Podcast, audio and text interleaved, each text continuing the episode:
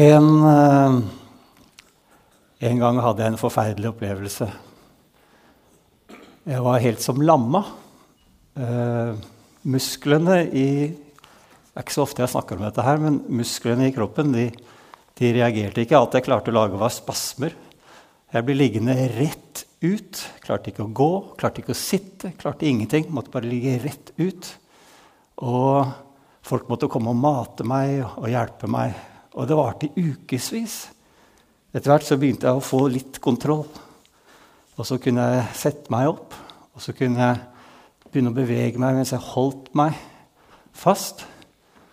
Og så etter åtte måneder i den tilstanden så klarte jeg å stå på beinet aleine. Den tilstanden har et navn. De kaller det å være spedbarn. Her er det et bilde av meg, åtte måneder. Jeg står på gulvet aleine og har seier i livet mitt. Som du ser, så er det et uh, gammelt bilde. Uh, Svart-hvitt. Det er fra forrige århundre. Men det er ikke så lenge siden at det ikke fantes fargebilder, for så gammel er jeg ikke. Men det er faktisk sånn at uh, bestefaren min han var hobbyfotograf, og det eneste filteret du hadde da, det var å bruke et, en svart-hvitt-film. Så han syntes det var gøy. Min situasjon var jo helt normal, eh, og jeg husker ingenting av det. Og det er jeg egentlig veldig glad for. For hvis jeg hadde huska det å ligge der helt hjelpeløs, da tror jeg at jeg hadde tenkt at det var en forferdelig tid. Jeg hadde sikkert vært ekstremt frustrert. Og mora mi hun sier at jeg gråt mye. Eh, det skjønner jeg når jeg ikke klarer å bevege meg. Eh, men eh, antageligvis hadde jeg også kolikk, så det var mye grin. Eh, men hvorfor forteller jeg deg om det? Jo, fordi jeg har lyst til å minne deg på at det er ikke alle tilstander som varer evig. Det er noen ting som går over. Det er noen ting som vi klarer å trene oss opp til. Og tingene kan bli annerledes. Og hvis du syns at ting er vanskelig i dag, kanskje går du gjennom puberteten og du syns det er ikke så veldig lett, så har jeg lyst til å si til deg det, at det er lys i tunnelen. Det går over. Og kanskje opplever du andre ting i dag som du syns er vanskelig. Jeg har lyst til å si til deg det, at det er lys i tunnelen. Ting kan bli annerledes. Og vi som mennesker er lagd sånn at vi kan lære oss opp til å takle utfordringer på mange måter. Jeg har lyst til å si til deg det er lys i tunnelen. Du kan klare å reise deg opp midt under det vanskelige. Ja, til og med overvinne det vanskelige. Så om du opplever deg handlingslammet, som jeg når jeg lå der og måtte bli mata, om du opplever krisetilstander, om du har mista håpet, så vil jeg si til deg at dine begrensninger trenger ikke å regjere over livet ditt. Det er håp. Og som jeg trente opp mine muskler når jeg var åtte måneder, eh, så kan du trene deg opp til å takle utfordringer i ditt liv. Hva gjør du da om noen kaster spyd etter deg? Om noen angriper deg, hva gjør du da? Jo, det vet jo alle. Man tar tak i spydet og så kyler man det tilbake. Fordi angrep er det beste forsvar. Er det ikke det? David, som jeg skal fortelle deg litt om i dag, han gjorde ikke det.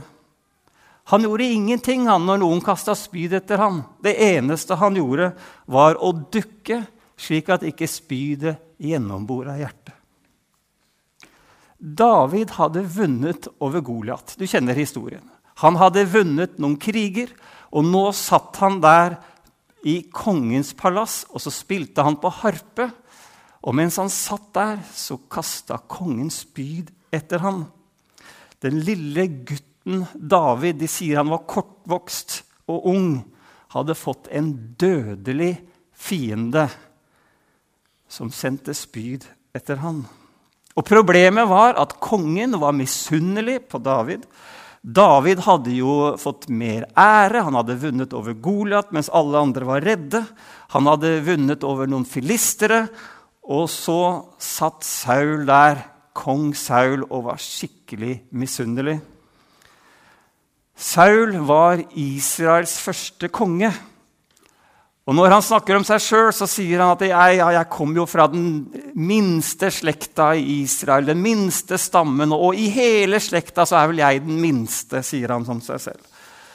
Han hadde et dårlig selvbilde, men han var flott å se på. Ett hode høyere enn alle andre. Høy og mørk, attraktiv og flott. Og som så mange andre som får plutselig berømmelse og suksess så var det ikke alltid sånn at karakteren vokste sammen med berømmelsen. Det er en, eh, det er en kar som jeg eh, beundrer ganske mye. Han har et kult navn. Han Oi, det var det misunnelsesbildet. Sorry.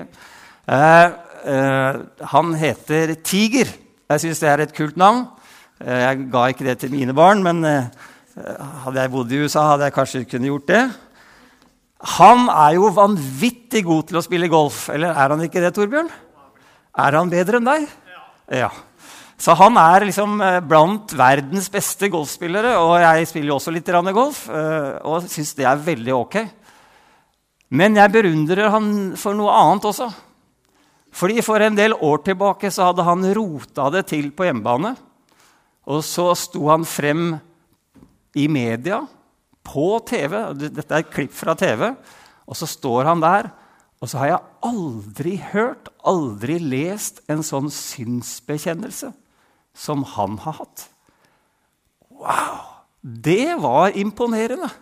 For en stor mann som kan ydmyke seg sånn.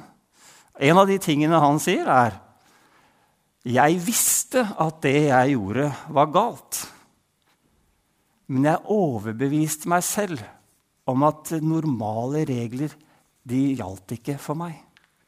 Og sånn var det kanskje for kong Saul også. Testen av å ha suksess er veldig vanskelig. Vi starter ut med de beste hensikter, gode forsetter, og så lurer hjertet oss underveis. Og så drifter vi helt ubemerket og så når det virkelig gjelder, som det står i Salme 72, på stridens dag, da viker vi bort. Og så har det store konsekvenser i livet vårt. Og i Sauls liv så kan det virke som om hans usikkerhet, hans dårlige selvbilde, hans ønske om å gjøre alle mennesker til lags, ledet til hans fall. Usikkerhet er kanskje et av ledernes største utfordringer. Å være usikker kan forvandle en leder fra å være en god leder til å bli en dårlig leder som er kontrollerende med narsissistiske trekk. Og hva kan vi da gjøre for å unngå å bli som Saul? Vel, vi må gjøre som David. Ikke kaste spyd tilbake. Men det er noe annet vi kan gjøre òg. Vi kan finne verdi ja, Det var det han Saul. Jeg henger litt etter på klikkingen her. Jeg har ikke fått helt kontroll over alle musklene ennå, ser du. Hva kan vi da gjøre? Jo, vi må finne vår verdi. Ikke i hva vi gjør, ikke i våre resultater og hva vi oppnår i vår suksess, men vi må finne vår verdi i hvem vi er, og hvem Gud har skapt oss til å være. Og det faktum at han elsket oss mens vi var mislykka, mens vi var dårlige, mens vi ikke fikk til ting. Så elska han oss. Da vi var lite elskverdige, elska han oss likevel. Det gir oss en ballast i livet. David var i en skikkelig alvorlig klemme. Eh, pastoren har jo snakka om at det var noen som var forfulgte her i dag. og det det var også David. Han var forfulgt av kongen og hele hans hær. Han var konstant på flukt. Han måtte gjemme seg i huler, i villmarka. Han måtte reise over til fienden, til filisterne. Han måtte gå rundt og late som han var gal og la det fråde ut av munnen, og liksom som han hadde mista vettet for å overleve. Han bodde med lovløse røvere. Og all den elendigheten Den kom fordi at han en dag ble salvet av en profet til å være den nye kongen i Israel. Og så ble det sånn at den nye kongen, han som skulle bli konge, han ble forfulgt av den gamle. Og Du kjenner kanskje noen av de der søndagsskolehistoriene hvor David gjemmer seg innerst i en hule, og så kommer kongen og skal gå på do. Er du Husker den historien? Og så er det innerst i hulen går kongen, og så er det ned med buksa, og der sitter han på do. Rett ved siden av David. Det er jo helt eh, kan man nesten begynne å le av bare tenke på det. Så nærme var det. ikke sant? At det var, Han kunne bare rekke ut hånda og skjære en liten bit av kappen hans. Eh, jeg skal vite litt om familien Byberg. Jeg liker å gå på do med døra åpen. Alice hun liker at jeg lukker døra. Jeg har litt lyst på litt fellesskap, jeg, vet du. Så fortsetter praten. Mens Alice syns det er noen ting som bør være privat. Ja, ja, Nok om det, men det kan hende David også hadde helst lyst til ikke være akkurat der da. Kan jeg tenke meg. Alle de som var sammen med David, sa nå kan du drepe ham! Nå kan du ta livet av ham! Nå kan du bli konge! Men David han valgte ikke å gjøre det. Han skar bare av kappen, og når han gjorde det, fikk han dårlig samvittighet for det òg. Det er litt av en type. He? Han skulle ikke røre Herrens salvede. Han skulle ikke ta seg til rette eller ordne en egen løsning. Enda det var han som var den nye salvede kongen et godt prinsipp å leve etter. Samtidig er det ekstremt frustrerende. Og Jeg vet ikke om det er sånn i ditt liv, men noen ganger så har vi noen høyder i livet. Har du lagt merke til det? At Noen ganger så er det bra. liksom. Vi er kanskje på leir eller vi har vært på en bra gudstjeneste. Og vi er på en høyde. Og Noen ganger når vi er på en sånn høyde, så opplever vi at vi får et løfte fra Gud. Men så er det et kjempeproblem. Og det er at det fra den høyden hvor vi får et løfte fra Gud, så er det lang og dyp og smertefull dal til vi kommer på høyden av oppfyllelsen av løftet. Har du lagt merke til det? Og sånn er det for oss. Det er utrolig vanskelig å takle noen ganger. For å si det på en annen måte det er som om Gud har en skole som han har lyst til at folk skal gå inn i. En skole som ikke så mange liker å være med på, og kanskje enda færre blir uteksaminert fra. En skole av sønderknuselse og vanskeligheter. Livets harde skole. Og noen ganger når du er nede i den der dalen der, så begynner du å lure. Hæ? Det var jo ikke dette jeg signerte opp for. Jeg trodde jo på den der greia med fred, glede, kjærlighet og harmoni. Her er det jo bare trøbbel. Når jeg sa ja til å følge Gud, så trodde jeg det skulle være bra for meg. At jeg skulle få et godt liv, og at det skulle være hyggelig, og vi skulle være koselig og kjærlighet. Og, og så er det bare vanskelig. Og så er det sånn at kanskje noen hadde gjemt unna denne oppmuntringen til Peter. Ja, for du vet hvem Peter er. Han var jo den disippelen som gikk sammen med Jesus i tre år. Og så, når det liksom begynte å dra seg litt til Han skulle prøve å stå litt på egne bein, og sånn, så sto han der aleine og kjempa mellom trygghet og frimodighet. Og så plaska han skikkelig. Så sier Peter, Vær ikke forundret over den ildprøven dere må igjennom, som om det skjedde dere noe uventet. Han har skjønt det.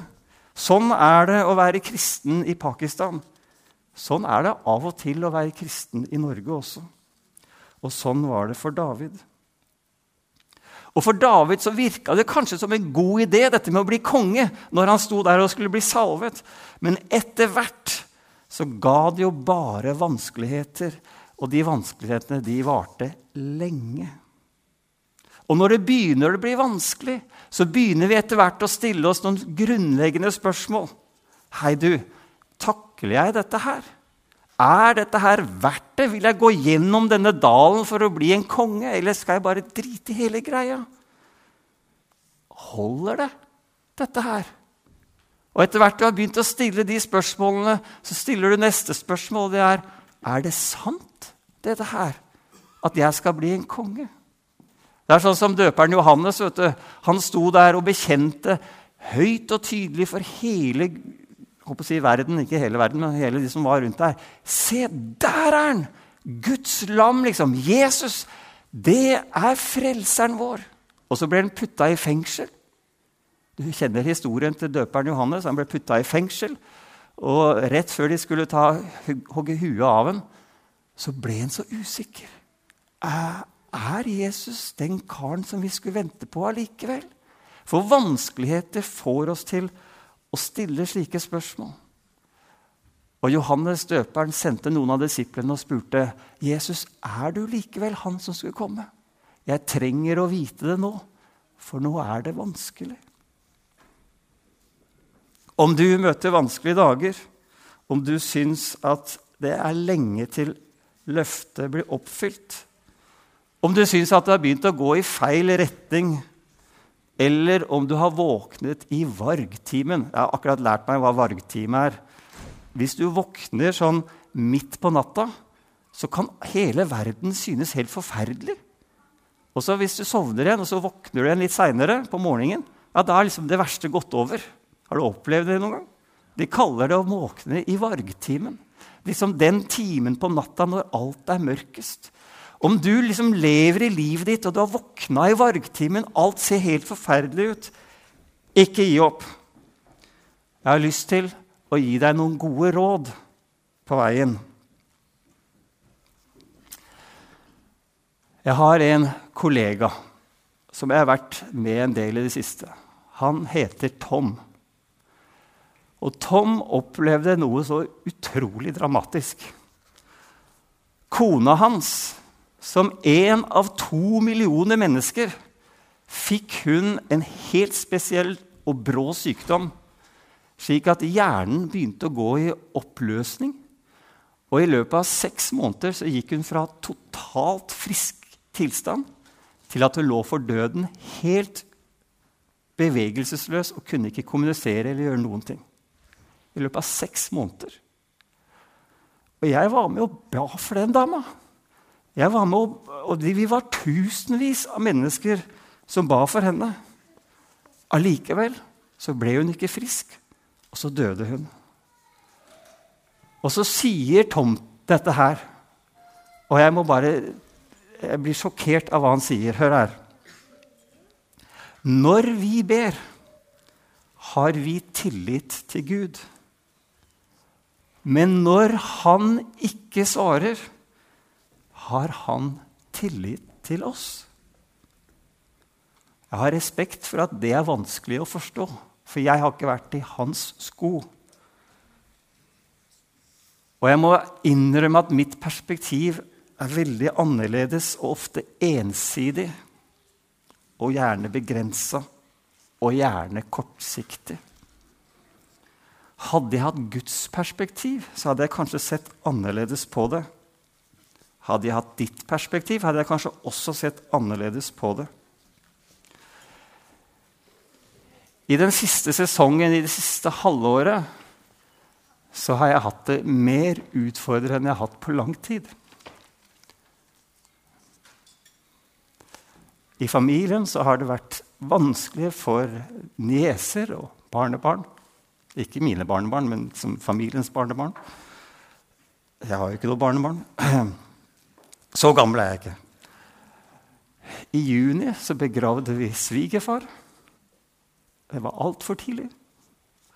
Og så har det midt oppi det vært utfordringer i jobben som har krevd mitt ypperste. Og jeg har ikke klart å på en måte være mitt beste. Det har vært kjempeutfordrende. Og midt i den tida så har jeg begynt å holde fast på noen ting. Og jeg har lyst til å dele det med dere nå, hvis det er greit. Punkt nummer én ikke gi opp. Hold fast på det urokkelige. Når svigerfar fikk diagnosen kreft med 14% overlevelsesrate, så begynte han med en gang og spille sin favorittsang. Og Jesus åpnet mitt øye. Han holdt fast på det som er helt urokkelig og uforanderlig. Og Tom, som jeg nevnte, som, som uh, mista kona si, han sa min opplevelse er helt forferdelig. Jeg savner henne hver dag. Men jeg holder fast på dette, at Gud er god, rettferdig og uforanderlig. Hold fast. Så har jeg ofte måttet gjøre dette her. Ta én dag av gangen. Og hans løfte for hver dag er denne at hans nåde er ny hver morgen. Du vet at nåde det er både tilgivelse for gårsdagens feil og feilskjær og trøbbel. Men nåde er også en guddommelig bestråling av hjertet vårt som endrer livet og endrer vår kapasitet til å møte livet. Så vet vi at som vår dag er, så skal vår styrke også være. Og så vet vi at hver dag så kjenner Gud sine. Så vet vi at mitt liv og ditt liv hviler i Guds hender, og at han har en fars omsorg for oss. Så har jeg et råd til. Del hjertet ditt med Gud med ærlighet. Henvend deg til ham. Ofte er det sånn at vi lever livene våre i eget regi helt til det begynner å gå vanskelig. Jeg åpna VG-nettet i dag, og da møtte han her meg. Ingebrigt Steen Jensen. Han sier 'Jeg ber i hvert fall mye til Gud', sier han. De ligger på nedrykksplass med, med Hva het dette laget? Stabæk heter det, ja. Og han sier det er jo ingen katastrofe, bare veldig, veldig vondt. Og så sier han også samtidig at jeg kan jo av og til sammenligne meg med Jemen, og da er det ikke så ille, sier han. Men vanskeligheter får oss til å henvende oss til Gud, i hvert fall over en kort periode. Men ikke slutt med å henvende deg til Gud. Fordi om smerten varer, så er det av og til at vi slutter. Den enkleste formen for, Gud, for bønn det er å begynne å opplyse Gud om ting. Eh, kjære Gud, jeg trenger at du blir oppmerksom på dette her nå. At nå går det ikke så bra her. Som om Gud ikke ser det. Men det er helt ok å be sånn. Og når David var på flukt fra Saul og måtte gå rundt og late som han var gal, så sier han til Gud, 'Gud, nå ligger de og lurer på meg.' 'De sterke kaster seg over meg.' 'Våkn opp! Kom og se til meg.' Det er helt ok å være ærlig i din bønn til Gud. I Gamle testamentet så er det en liten profet som skriver noe som har forundra meg ofte. Det er bønnen til David, forresten. Eh, og det profeten skriver, er følgende For fikentreet blomstrer ikke, vinstokken bærer ikke frukt, olivenhøsten slår feil, åkeren gir ikke mat, sauene er borte fra kveet, fjøset er tomt for fe. Jeg har tenkt litt på hva ville det stått hvis han levde i dag. Så tenker jeg kanskje hadde stått noe sånn dette her. Ting er ikke normalt. Ingen utsikter finnes til at det skal bli bra. Jeg har mista jobben. Det er tomt i kjøleskapet. Det er tomt på kontoen. Det finnes ikke noe å spise. Så fortsetter profeten. Men jeg vil fryde meg i Herren, juble i Gud, min frelser. Gud, Herren, er min styrke. Tilbedelse av Gud er ikke noe som du er avhengig av å være velsignet for å delta i. Du må ikke høre en god tale for å kunne henvende deg til Gud i tilbedelse og lovsang. Del hjertet ditt med Gud. Et nytt råd jeg har lyst til å gi til deg, er hold deg nær til andre mennesker. Vær sammen med andre. Når du har trøbbel, så er det naturlig å trekke deg bort fra andre mennesker. Kanskje skammer du deg, kanskje syns du du vil ikke belaste andre med dine bekymringer. og sånne ting. Kanskje syns du det er vanskelig å dele, og så trekker vi oss bort. Jeg har lyst til å si til deg det at en delt glede er dobbelt glede. Akkurat på samme måte er en delt sorg halv sorg. Ikke trekk deg bort fra kirka om du har det vanskelig. Ikke trekk deg bort fra smågruppa om du går gjennom noe vanskelig. Men len deg på fellesskapet. La fellesskapet få lov å bære deg en stund. La Jesu kropp, for det er jo det kirka er, få lov til å berøre deg. Alice hun arrangerte et kurs det het SOS. Det var et krisehåndteringskurs. Og hun fikk ei dame over fra England som var spesialist i gisselforhandlinger og krisehåndteringer. Hun hadde hjulpet mange som hadde vært kidnappet, og stått i flere sånne gisseltaking-forhandlinger. Eh, eh, og hun snakket om hvordan man skulle takle krise. Og En av de tingene som hun delte med meg, er helt utrolig. Hun sa, 'Finn noe du kan takke for'. Og så illustrerte hun det i sitt eget liv. Hun sa at når, når jeg giftet meg, sa hun, så, så, bestemte vi at alle bryllupsgavene skulle gå til et veldedig formål. Vi ville ikke ha noe bryllupsgaver. Og så reiste hun av gårde på bryllupsferie. Bryllupsreise, heter det vel. Og så kom hun tilbake igjen. Og når hun kom tilbake, så hadde tyvene vært inne i huset hennes og stjålet alt hun eide. Så sa hun da måtte jeg prøve å lete etter noe å være takknemlig for. Og så sier hun, og da skjønte jeg jeg kan jo være takknemlig for at vi ga bort alle bryllupsgavene, så ikke de ble stjålet. Det kan jeg i hvert fall være takknemlig for. Og så, og så kan jeg jo kanskje være takknemlig for at jeg slipper jo å stjele for å leve. Det kan jeg være takknemlig for. Og midt i alle vanskelige situasjoner så finnes det alltid noe å være takknemlig for. Jeg har en kollega som heter Margrethe. Hun har MS. På toppen av det så har hun en uhelbredelig kreftsykdom og har i dag bare lindrende behandling. Hver morgen så ligger hun i senga. Og der kunne hun ligge resten av dagen også, liksom, for sånn er livsutsiktene hennes. Men der ligger hun om morgenen, og så tenker hun hva kan jeg være takknemlig for i dag? Og så takker hun for det. Og så reiser hun seg opp av senga, og så går hun og gjør en liten tjeneste for Gud. Det er helt utrolig. Jeg er så imponert over den dama.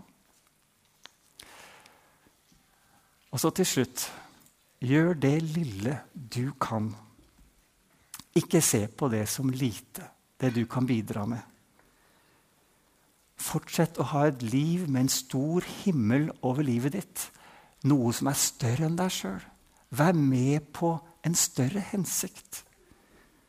Ikke se smått på det. Gud gjør av og til også små ting. Gjør han ikke det? Så hvis Gud kan gjøre små ting, så kan vi òg gjøre små ting. Og kanskje er noe av de små tingene vi gjør, nettopp tingene vi gjør til Jesus. For han sier at det du gjør til en av disse mine minste, det har du gjort til meg.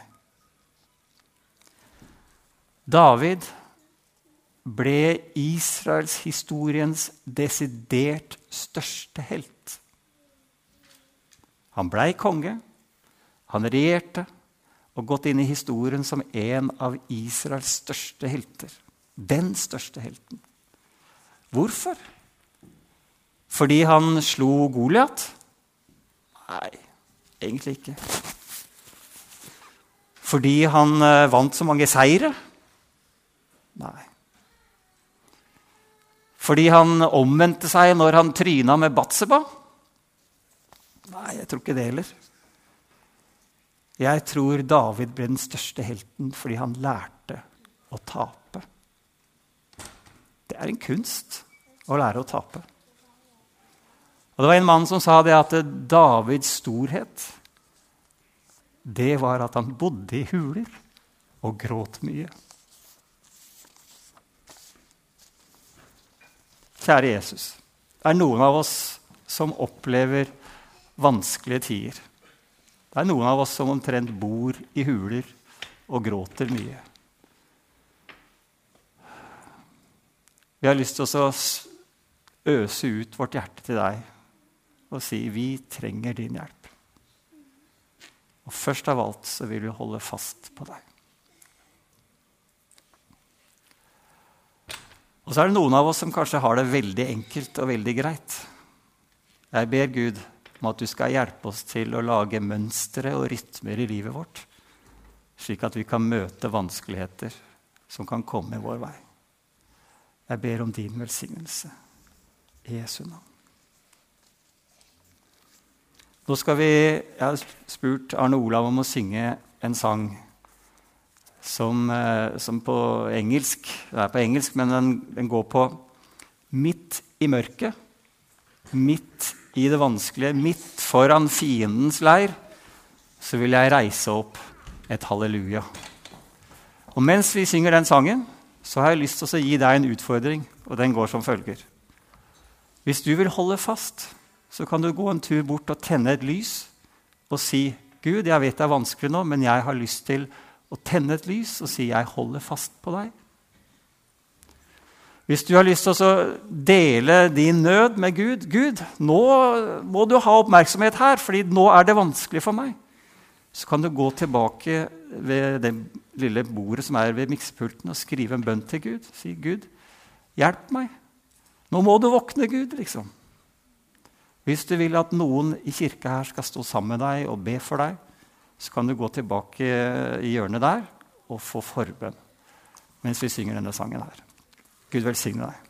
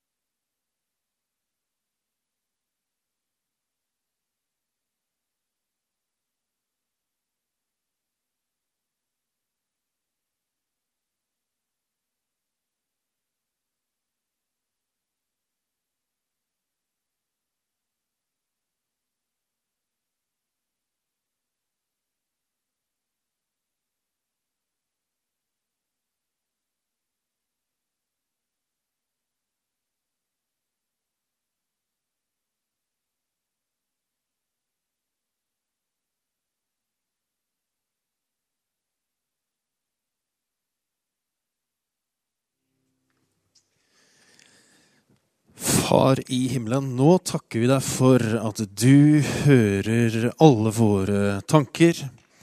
Um, alt det vi sitter med. Og du vet hvor vi kommer fra, Herre. Og så vet du hvor vi skal etterpå. Um, og vi går herfra.